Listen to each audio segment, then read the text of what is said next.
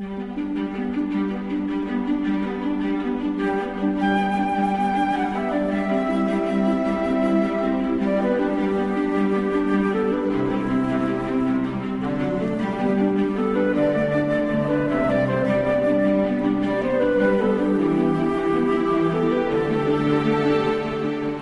I arribats a aquesta hora del matí, que és una hora entre intempestiva i plàcida, com sabeu, intempestiva per, per tots aquells eh, que tot just encara estan tornant cap a casa seva després d'una llarga nit d'oci o de feina o del que impliqui tot plegat, eh, i plàcida per aquells que just estan obrint un ull. Potser ja ho han fet, perquè estan una mica despistats amb el canvi d'horari, ara mirareu per la finestra, veu- veureu que ha sortit el sol i dieu, hosti, però la setmana passada, diumenge, a aquesta hora, no estava... és que hem canviat l'hora. Hem tornat en aquest, eh, aquest escenari estrany eh, que és el canvi, el canvi d'hora. I és aquest moment que nosaltres també aprofitem per desplaçar-nos, per ordenar una mica també el dia, desplaçar-nos a un raconet que ens encanta, que és, una, és un carrer empedrat dels pocs que queden a casa nostra, al final del qual hi ha un edifici sense altes pretensions arquitectòniques que amaga en el seu interior una pila de meravelles. I allà, a la porta, sempre ens hi espera amb el rellotge ben col·locat i amb eh, l'hora perfectament eh, revisada, Albert Berlegui. Com estàs, Berlegui? Què tal, Xavi Montó, com estàs? No, perquè el teu rellotge no falla mai. Sí, no, no, no. A més, jo en tinc 3 o 4 distribuïts per tota la Ah, casa. no, no pel carrer. I llavors, No home, una en el canell, no. una a la butxaca. No, no, no, no. no. Abans Ah, portaves, sempre sí, ho has dit, sí, sí, aquells sí. que pengen, En aquells temps de turbulenta i esborratxerrada joventut, com els dels de cadena, de no? rebel·lia, eh, de dir, eh, estic contra el món, portava un rellotge del segle XIX, que era una cosa molt pròpia de la meva persona. fantàstic. Feia soroll? Ah, sí, feia el tic-tac. tic, el tic, tic- sí, sí, sí, que és, una, és, un, És sorollós, és un- eh? Sí, sí, sí. Mhm. Que és un soroll que a mi sempre m'ha fascinat molt, eh? El tic-tac dels rellotges, eh? I ara, clar... El tens tanta- encara? Sí, clar, i tant. Tens guardat, eh? Sí, sí, sí, tinc Va. guardat, sí, sí. Però, vaja, ja no... Però ja has deixat enrere aquella rabiosa joventut. Sí, sí, qui aquella- penja, hi ha qui penja samarretes dels Rolling Stones eh, per recordar, en fi, els, aquelles èpoques i tu has penjat el rellotge Sí. de tic-tac que Ja portaves veus que penjant. molt revolucionari no massa. De cadena, sí, sí, sí. Bé, eh, tu no falles mai amb l'horari, per això t'ho Ahà. preguntava el tema de les hores, Sí. perquè el, pot haver-hi algú encara despistat, Mhm. però efectivament ja estem aquí a aquesta hora. Correcte, i a més eh, avui hem dormit una hora més, no sé tu. Sí, tu, sí, jo també, home, evidentment. Tu aprofites, eh? Bueno, hi ha tota aquella gent que diu que no, els canvis d'hores- ni es dorm més ni es dorm menys. Perdoneu, els Sí. que treballem al cap de setmana i ens devem una determinada hora, mm, sí, dormim una hora més o dormim una hora menys. Però vaja, jo llevat- jo ja entenc que som la, Sí, la, el percentatge sí. petit de la població, em sap greu molestar-vos, però, però sí que ens afecta això. Però jo m'he llevat a l'hora de sempre, gairebé, eh? Vull dir que... Sí? Sí, sí, sí. sí. Vull Però a l'hora de sempre- Ben d'hora, ben d'hora, ben d'hora. Això sí, que no això ho sí. diem per respecte als nostres oients, vale? Vull dir que... Eh, I a més a més és una setmana que coincideix amb això de la Sí. castanyada, el debat de Halloween, el Ui, de sempre. De... una altra vegada. Bueno, ara ja, ara ja eh, crec que s'ha constatat que, eh, com que no s'hi pot combatre, amb l'arribada d'aquesta d'aquesta en fi, d'aquest invent Mhm. eh, anglosaxó que és el Halloween, ara ja s'està imposant la idea aquesta del castawin. Correcte. No? Com a concepte nou, Sí. com a lèxic nou. Que no ho trobo malament, eh? No, jo tampoc. Perquè, home, és allò del divideix i venceràs, Ara. doncs és això. Ja que no podem enfrontar-nos a una festa que, evidentment, no ens enganyem, i ara entre tu i jo, les disfresses, les carbasses, home, és molt més interessant d'entrada, eh? Que no pas la castanyera i tot, i els panellets, i els... Home, eh? és que a més a més la castanyera està envellint perquè Clar, no, fa, fa molts anys que diem que mengem castanyes amb màniga curta. Llavors, eh, sí. això el canvi climàtic s'està portant per davant la castanyada. Llavors, bueno, eh, o, o et renoves o... o morts. Sí, sí. Clar que sí. Doncs sí, sí, nosaltres també celebrem a casa tot, tu també deus ser d'aquests, no? Vull dir que amb Tot la canalla tot això, La, la... celebrarho tot, eh? Teòricament, eh, això m'ho va dir el gran antropòleg Manel Delgado, és, és celebrem tot el que puguem. Vull dir, tot el que sigui celebrable, per Clar no ho hem de sí. celebrar? No I és la tant. nostra cultura. Sí, sí, és Clar la, que sí. la nostra cultura ho és tot. O I tant, sigui, l'any nou sí. xinès, Sí. l'any nou normal, Bueno. l'any el, el Nadal, eh, el Ramadà... Celebrem-ho tot. Sí, ja està, sí, a tope, a tope. Sí, sí. Bé, eh, anem per les cartes, Anem per les perquè cartes, va. detecto un cert rictus eh, tens. Mm, eh, hi ha poques cartes. Ai, van ai, arribant, ai, ai, van arribant. ai, ai, Aquesta ai. setmana han arribat dues més Sí. i em sembla que anem fent, eh? Vull Mira, farem que... una cosa. Digue'm. Aprofitem per tota aquesta gent que potser la setmana que ve, Sí. eh, o, o que ja ha aprofitat aquest cap de setmana, potser han fet un cap de setmana molt llarg perquè la castanyada o, o tots sants és dimecres Sí. i que potser s'han anat uns dies, que ens escriguin, que segur que tindran Clar que uns sí. Mhm. minuts eh, lliures i ho facin. Mira, la primera carta és... Bueno, jo, mira, jo t'ensenyo el sobre, Sí. ja, la, ja la pots identificar. Sí. És el senyor de Hombre. la cal·ligrafia impecable. Enric Virgili. Enric Virgili. Eh, amb, una, amb un segell que és de les Fiestes Populares de València, les Falles. Correcte, i és un sobre enviat eh, que hem rebut aquí el 21 de setembre Mhm. i que podem llegir el següent. A Barcelona, 17 de setembre del 2023. Benvinguts, Albert i Xavi. Xavi, menys mal que els somnis, com va dir Calderón de la Barca, somnis són. I us dic això perquè avui, després de dinar, he fet una becaïna tot dormint la tele. De sobte, en el meu somni, ha sonat la sintonia de programa i una veu ha dit Estimats seguidors del programa El Basar de les Sorpreses i el Via Lliure, lamentem comunicar que degut a un pluricó s'ha fet realitat i aquest programa queda suspès de la nostra programació. Ho sentim molt i volem fer palès el nostre agraïment als seus creadors, Albert Berlegui i Xai Bundó, així com tots els que ens han acompanyat al llarg de set temporades. I aquí m'he despertat, esglaiat, i he vingut corrents al freda, despatx. I aquí em teniu, amb el pols tremolós per intentar amb la meva carta allunyar per sempre el fantasma del pluricó. Quan la llegiu, si us plau, envieu la meva crida a tots els oients i us ho faré a la meva família i amics. Escriviu cartes al programa. El basar del del Carreró empedrat s'ha de continuar obrint cada diumenge a dos quarts de vuit del matí. El somni que he tingut ha estat només això, un mal son. Una abraçada a Enric Virgili. No ho havíem dit, uh, això, però té raó el senyor Virgili, eh? El què? Ha dit un detall que no havíem revelat i que té raó, Quin? Que és dalt del carreró empedrat. Ah, Fa pujada. tens raó. Mira, Això és una un cosa... detall que no havíem explicat. I no acostumem a dir-ho, jo això, no noi, eh? sé, Sí? ara m'ha inquietat, eh? El Vols carrer fa que- pujada. Ostres, i com ho sap, això? No ho sé. Ha dit dalt del carreró empedrat. Hi ha una o sigui, filtració? Quedat, Estem parlant d'alguna filtració en aquest programa? Mm, No ho sé. Hi ha algun No dels col·laboradors? On està aquest jurament? No sóc jo. Que... Doncs, eh, en fi, ens ha deixat eh, sorpresa doncs l'Enric sí, sí, Virgili. sí, i tant, i tant. Eh, missatge eh, o carta enviada eh, o rebuda el 21 de setembre. I Va, la i anem per la segona. La segona carta ens l'envia en Xavier Moreno des de Molins de Rei. I de dins extraiem també un sobre amb dos fulls eh, manuscrits que diu el següent. Molins de Rei, 17 de setembre del 2023. Immers a la vigília del son, dubto si visc en dissabte o ben diumenge. Les respostes troben als sons que sento de lluny des d'aquell aparell fantàstic. Pot tractar-se de les dolces rialles dels patateros o de la saviesa al basar, sempre ple de sorpreses. Són moments en els que arrenca el dia i en els que l'ànima navega entre el gaudi de la simple quotidianitat o el descobriment meravellós de les sorpreses amagades. Aquestes veus tenen el ritme del cap de setmana i indiquen que el dia comença de forma lenta i plàcida. No sé quants anys porto iniciant així aquests dies i pensant vegada rere vegada com m'agradaria escriure aquests fulls, posar-los dins un sobre, enganxar-li un segell i caminar tranquil·lament cap a la bústia per després esperar que d'aquí a unes tres setmanes o uns mesos, gaudint de la incertesa del temps, pugui sentir les meves pròpies paraules a través de les meravelloses i màgiques ones artsianes i de la veu del nostre Beorlegui. I només en queda donar-vos les gràcies als patateros i als mestres de l'ordre de la B per fer-nos la vida encara una mica més feliç. Llarga vida al basar de les patates i a la tertúlia de les sorpreses.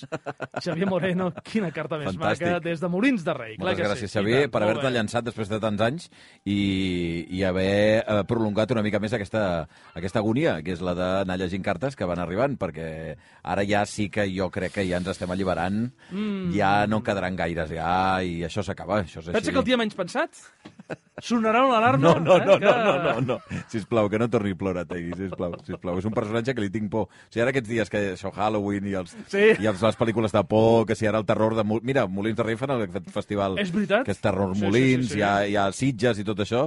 El meu, la meva por, el meu gran pànic eh, cinematogràfic és Albert. Plorategui ha aparegut Plorategui amb els seus llacrimals enormes. Bueno, va, doncs, eh, ajudeu-nos que no arribi aquest moment, enviant cartes al, a l'adreça habitual del Via Lliure, al Basar de les Sorpreses, Avinguda Diagonal 477, planta número 15, codi postal 08036 de Barcelona, amb el compromís de sempre, llegir-les totes a l'antena i contestar-les per part del Berlegui una per una eh, i de forma personal. Bé, anem cap a l'estacionament del Berlegui Express. Eh, Sí. Passo per aquí. Allà... Ah, sí. Ahà. No l'has aparcat al mateix lloc, eh? Ves que últimament No. no hi havia lloc. Val. No, perquè eh, ara hem canviat Clar. de... de Tan- tan- diguem-ne, sí. de, bueno, de fet, això és, és demà passat, sí. però és, o sigui, ja l'he posat per entendre's a l'altra vorera. Saps que és Sí, d'aquells carrers sí, que sí. del dia 1 al dia 15 s'ha d'aparcar una vorera i del dia 16 al 31, però mira, ja l'he aparcat a l'altra, perquè, Sí, sí. clar, llavors és aquells carrers, de, aquells dies de transició que no saps si està en un cantó o en un altre, eh? Vull dir que... Bandera. Bandera. Fàcil, aquesta és fàcil, no? Aquesta és molt fàcil. Ah, Fins i tot pensava la sé em jo, vull dir que... La bandera de les, de les barres i de les estrelles. Ah, efectivament. I avui marxem, a més, a Pomfret, que és una bonica població nord-americana de l'estat de Vermont, a Nova Anglaterra. Uh, Vermont, per entendre'ns, limita amb Massachusetts al sud, New Hampshire a l'est i Nova York a l'oest. I és un estat conegut sobretot per als seus productes làctics, les seves polítiques liberals i especialment pels seus extraordinaris paisatges, sobretot a la tardor. I d'això en parlarem perquè Pomfrit, que és un petit poble de 1.000 habitants, envoltat de natura, ha hagut d'aplicar una política molt restrictiva de visites turístiques. Ah, sí? Ara t'ho explicaré. Uh, té, agafa un jerseiet perquè em sembla que allà Sí? uh, fa fred i més a aquestes hores. Vale. Eh? Vull dir que sí. Estàs a punt? Sí. Doncs apa, som-hi.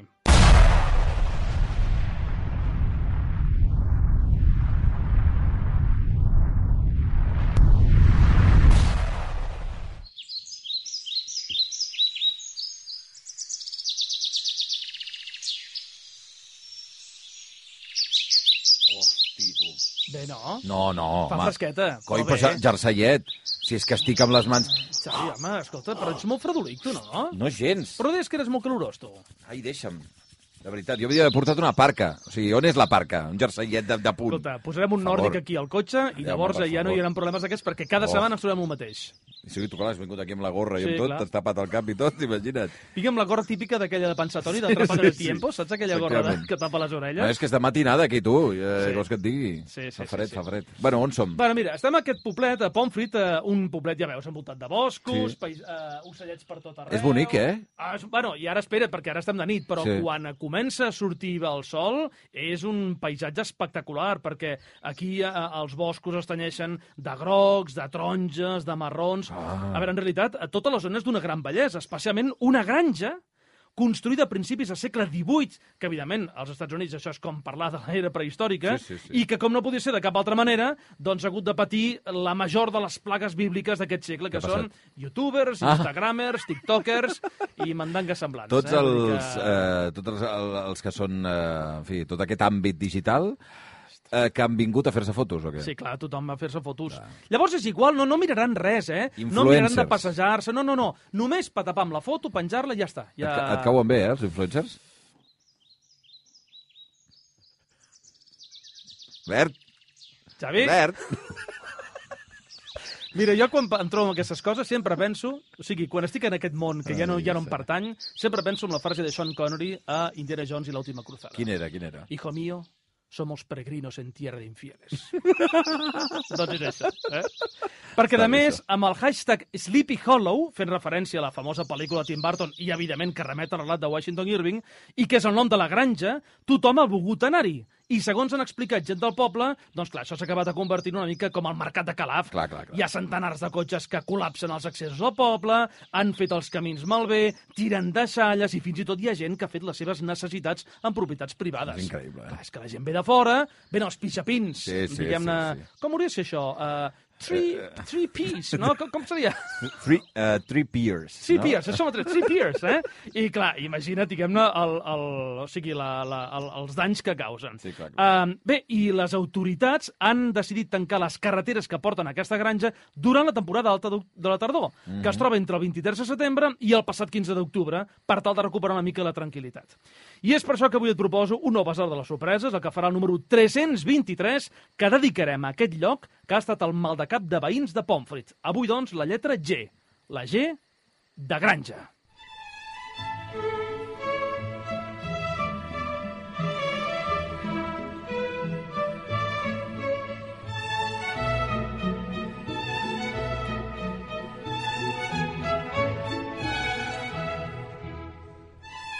Veure, no totes les granges són com aquesta, eh?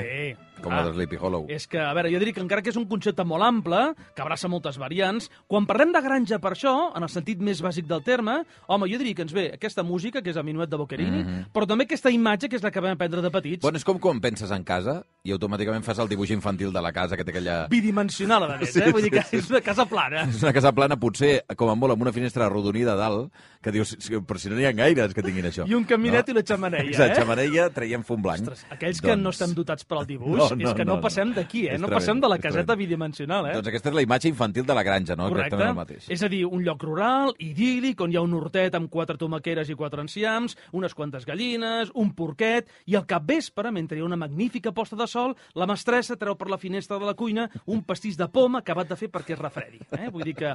Però tots sabem que això és un cliché, encara que originàriament, home, jo diria que devia ser això. La paraula granja, de fet, ve del llatí granica, és a dir, graner, i fa referència a la base de producció d'aliments, siguin de l'agricultura o la ramaderia.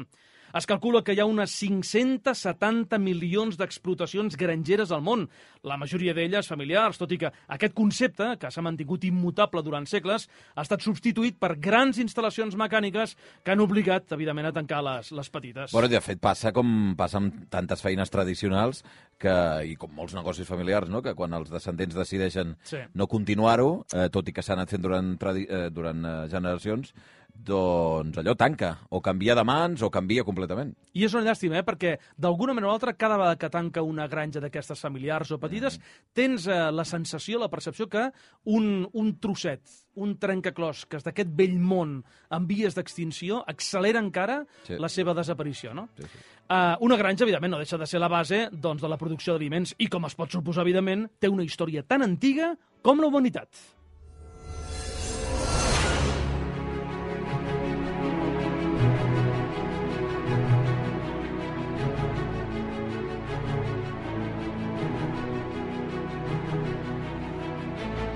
Hem agafat la càpsula del temps directament, eh? Correcte. Viatge enrere. Viatge S'acabo de veure, tot, com a les pel·lícules, tots aquells, aquells rellotges Sí. que comencen a aparèixer una mena de túnel, rellotges que van endavant i endarrere, i ens n'hem anat molt enrere, on hem anat? Doncs mira, fa 12.000 anys, quan comença una mica l'anomenada revolució neolítica, quan es passa de societats caçadores-recol·lectores, el que nosaltres en petit dèiem les societats nòmades, Sí, vale? sí. a les societats assentades, que era allò, les sedentàries. Vale? um, però els testimonis que ens han arribat són molt més moderns. El 2015, per exemple, es van trobar restes de la que fins ara és la granja més antiga del món. Es troba a la zona de Rosh Hayain, a Israel, i es calcula que té 2.800 anys. Déu meu. I és una enorme construcció de 23 estances que va ser usada durant 600 anys. A mi és una cosa que em crida molt l'atenció, no? Les, eh, les masies, les cases pairals, les granges, eh? que sempre són antiquíssimes. I llavors, quan vaig a algun lloc d'aquests, sempre m'agrada imaginar la de generacions que han nascut, que han conviscut la de naixements, la de morts, la de discussions, la de casaments, la de batejos, la que han passat tot aquí, I no? fins i tot la pròpia estructura no? que ha anat eh, modificant-se, canviant, creixent. alterant-se, creixent, disminuint, eh? Vull dir que... I aquí, clar, i en aquesta granja d'aquí d'Israel s'han trobat molts objectes que permeten conèixer com era la vida rural fa 28 segles. Eh, Monedes, peces de ceràmica, eines de camp... Amb el temps, la construcció seria abandonada i algunes de les pedres de l'edifici serien reaprofitades per construir altres cases del voltant. Però no només les restes de granges ens proporcionen informació sobre com eren les granges al món antic. Hi ha un munt d'obres literàries que parlen del tema. Una de les més antigues, per cert, de les quals és de l'any 250 abans de Crist, per tant fa d'això 2.250 anys, d'un escriptor cartaginès que es deia Magó, que va escriure un tractat d'agricultura. Aquell primer concepte ha evolucionat molt i ara anomenem granja a llocs on es cultiven tota mena de coses. Vegem algunes de ben peculiars.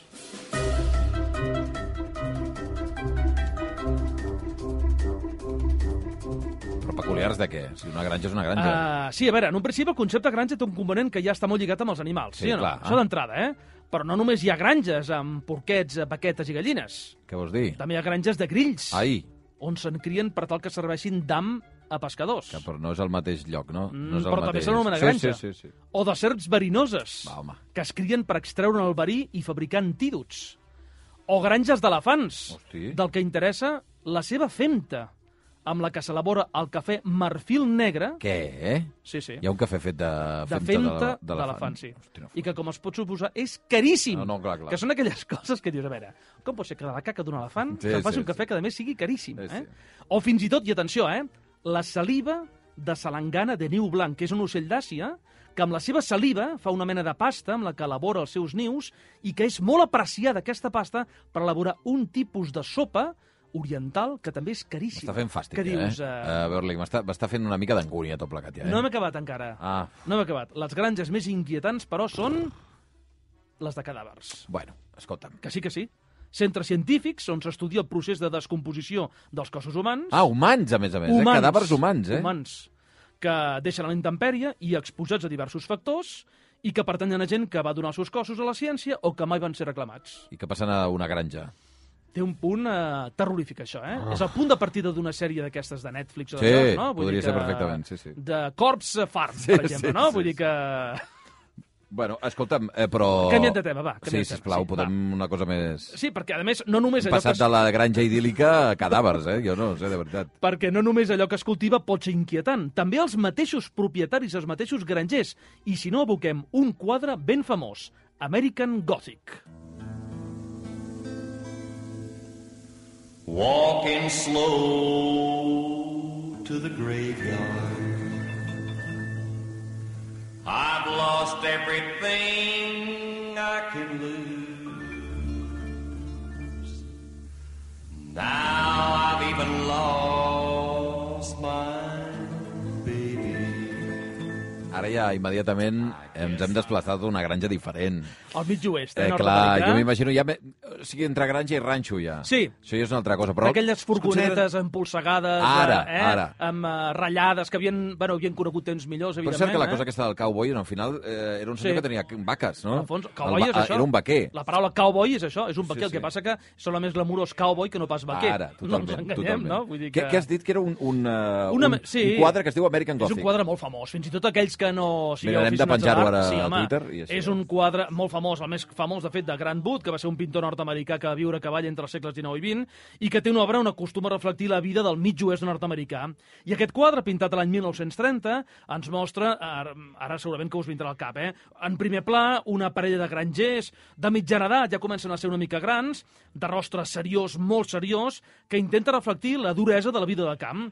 Pels models que va utilitzar Wood, va utilitzar la seva germana Nan i el seu propi dentista. I l'estil de la pintura, home, doncs és curiós, però està inspirat en l'art flamenc del segle XV.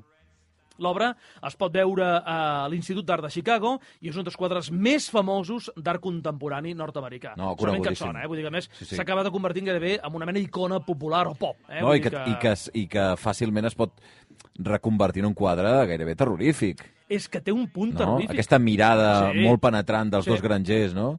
Eh, Ell portant una forca, Correcte, no? I llavors, efectivament. ostres, és que és... I la mirada austera d'ella, eh? vull dir que... Sí, sí. Va, uh, i tot això, si ens porta, diguem-ne, al, a la mig oest nord-americà, i amb ell hem vist un quadre que és molt famós, doncs mira, és tan famós aquest quadre com una cançó també molt reconeixible. Old MacDonald had a farm. Home, Old MacDonald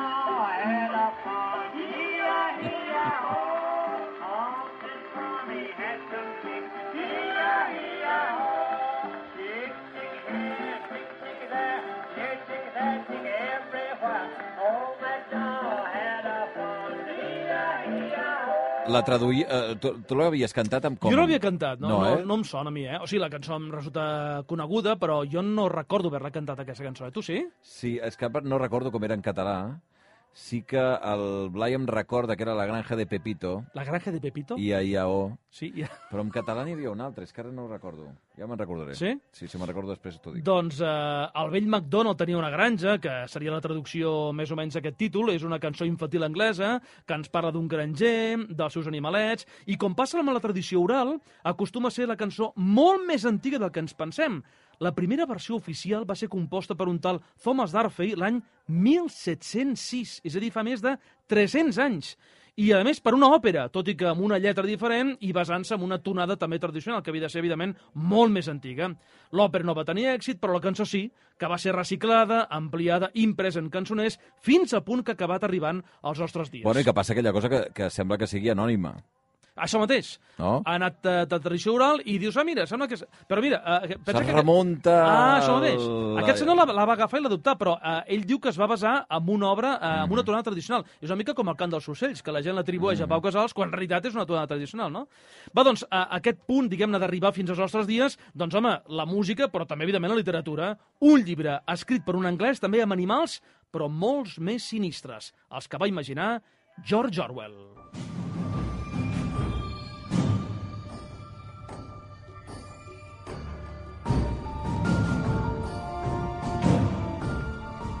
Aquesta fantàstica novel·la que, Correcte. que es va dir... És que ara no sé si en català es va dir La revolta o la rebel·lió dels animals, o potser les dues coses, eh, perquè Jo depèn de la que sí, traducció. eh? Sí, sí, sí, sí, Eh, sí. la rebel·lió, bueno, en tot cas ho, ho deixaré com a la rebel·lió dels animals. Mhm. Aquesta música que estem escoltant és el tema principal d'una de les diverses versions televisives d'aquesta obra, que és, en el fons, és una despietada sàtira escrita l'any 1945 sobre la corrupció de poder de la Unió Soviètica durant el mandat de Stalin. Però també, evidentment, és un, un reflex visceral, cruel, de la condició humana, on els animals d'una granja es rebel·len contra els propietaris, instaurant una dictadura que acaba sent pitjor. Quan pugen a poder, recordem, els porcs estableixen set manaments, entre els quals hi ha tot el que camina sobre dues potes és un enemic, o tot animal que camina sobre quatre potes o té ales és amic, o cap animal dormirà en un llit, i l'últim, que diu que tots els animals són iguals. Però a mesura que van passant els mesos, no oblidem que doncs, els manaments es van canviant fins que només en queda un. Tots els animals són iguals, però alguns animals són més iguals que d'altres. És que és boníssim, És això, eh? molt bèstia. És boníssim. És molt, molt bèstia. I ara sembla que de les granges només surtin coses dolentes, però tots sabem que no és cert. D'una de casa nostra va sortir una de les begudes més populars i bones que em sembla que sempre ve de gust, el cacaulat.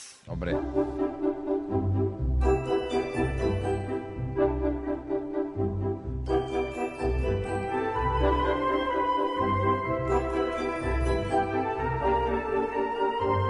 va sortir d'una granja, el cacaulat. Doncs sí, els seus orígens, ben orígens, sí. Ah. La història del cacaulat comença a Cardedeu a l'any 1879, quan neix Marc Viader Bas, que va ser un personatge molt inquiet, que va començar a treballar a la granja Comas de Barcelona, situada al carrer Xuclà, i que amb el temps va acabar regentant aquesta granja, fins a punt que ara porta el seu nom. És la granja Viader, que continua al carrer Xuclà i que serveixen, possiblement, la millor xocolata desfeta Ah, però de les dius ciutats. la granja en el terme... Eh... No, Ah, sí, però hi ha un... En el seu dia era Correcte. una granja i després es converteix en un, Sí, una mena espera, de bar. he- hem Val. anat aquí per als orígens, perquè ara és una granja, eh, jo sóc molt exigent amb la xocolata desfeta, eh? Ah, sí, eh? Molt, molt exigent. Què et trobes ser i com ha de ser? Amb aigua, espessa, o sigui, eh, xocolata negra, Sí. i amb aigua, eh, i ben feta, ben presa, eh? Sí, eh? I està extraordinària. Aquesta, Extraordinària. la de Viader. La, de ca- la de Casa Viader, sí. Bé, doncs, eh, clar, aquest senyor va venir de Cardedeu, es va posar en aquesta granja, i un, un cop posat en el, diguem en el negoci, va començar a comprar granges, granges com les que, amb el sentit estricte del terme, i el 1925 va fundar la Casa Letona. I anys més tard, el seu fill, Joan Viader, se'n va fer càrrec i va ser ell, després d'un viatge de negocis per Hongria, que va descobrir les possibilitats del cacau barrejat amb llet i sucre. I el desembre de l'any 1931 va patentar un nom i un procediment, el cacaolat. Déu-n'hi-do, eh? Fantàstic. Quina història. És una història magnífica. Fantàstic. Va, i d'una granja amb vaques a una altra, però, amb lleons. La de Hollywood.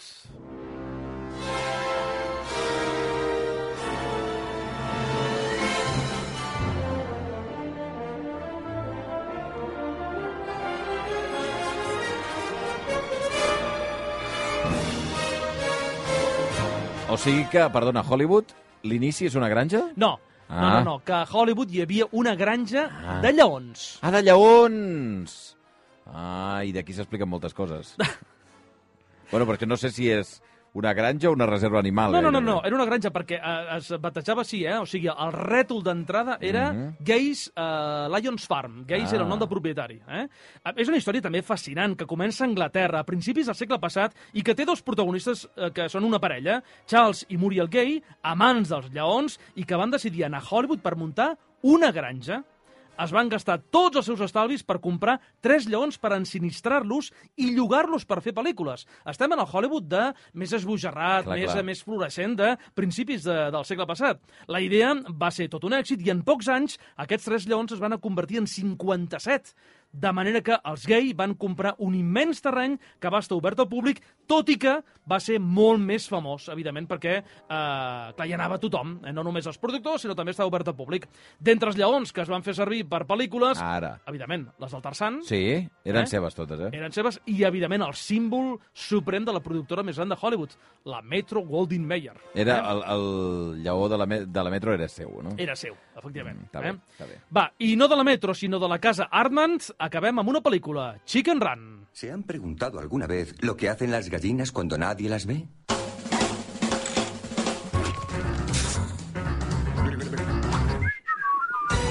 ¡Operación camuflaje! Ninguna gallina escapa jamás de la granja Tweedy. Que fantàstica és aquesta pel·lícula Sí. i que fantàstiques les pel·lícules de la factoria Artman, que són aquestes que fan el, el uh, stop motion, li diria que és stop motion, suposo. Sí, amb plastilina. Amb plastilina, eh? molt sí, sí, clàssica. Sí. No, no, no. És, aquesta és una, de més, una de les obres mestres de l'estudi Artman, dirigida per Peter Lord i Nick Park, que al nostre país es va subtitular com Evasió a la granja, i que rodada l'any 2000 explica la història doncs això d'unes gallines que es volen escapar quan intueixen que acabaran convertides en pastissos. És una pel·lícula molt divertida, molt enginyosa, eh, que es pot trobar a Prime Video i a Netflix i que el seu visionat i la seva revisió és més que recomanable. La, eh, em recordava el Blai que eh, crec que Netflix ha d'estrenar després de festes, o sigui, després de Nadal, eh, no sé si al gener ja suposo, Chicken Run 2. Què dius ara? Eh, Amanecer de los Nuggets.